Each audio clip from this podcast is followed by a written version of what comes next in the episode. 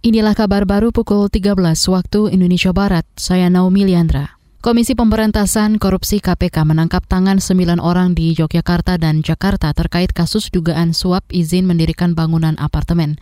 Salah seorangnya adalah ex-wali kota Yogyakarta Haryadi Suyuti yang dua pekan lalu purna tugas usai menjabat sejak 2017. Juri bicara KPK Ali Fikri dalam keterangan tertulis mengatakan saat ini mereka masih diperiksa di Gedung Merah Putih KPK Jakarta Selatan. Kata dia, lembaganya akan menetapkan status dan peran masing-masing tersangka pada hari ini.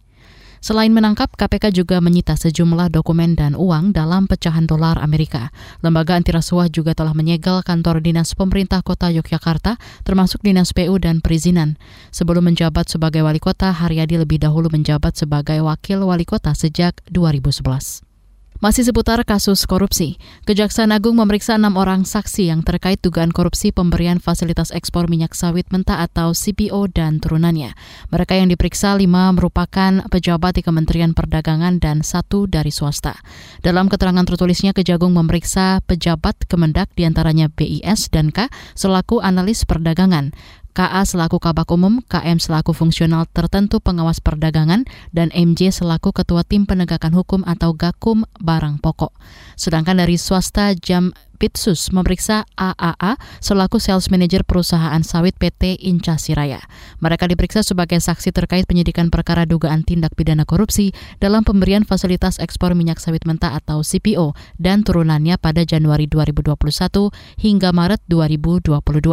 Dalam kasus ini Kejagung telah menetapkan lima orang sebagai tersangka di antaranya Dirjen Perdagangan Luar Negeri Kemendak Indrasari Wisnu Wardana.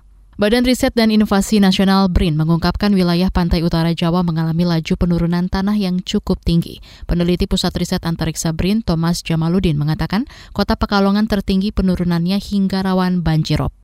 Dari kajian yang dilakukan oleh Lapan dengan menggunakan data-data satelit SAR, Synthetic uh, Aperture Radar, itu menunjukkan land subsidence dari pantai-pantai di pantai utara Jawa yang yang cukup tinggi.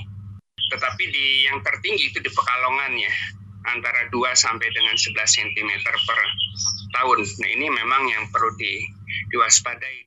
Peneliti Pusat Riset Antariksa BRIN Thomas Jamaludin, penurunan muka tanah berdampak terhadap banjirop. Selain kota Pekalongan, beberapa kota lain yang laju penurunan permukaan tanahnya cukup tinggi, yaitu kota Semarang yang mencapai hingga 6 cm per tahun dan kota Surabaya hingga 4,3 cm per tahun. Demikian kabar baru KBR, saya Naomi Liandra.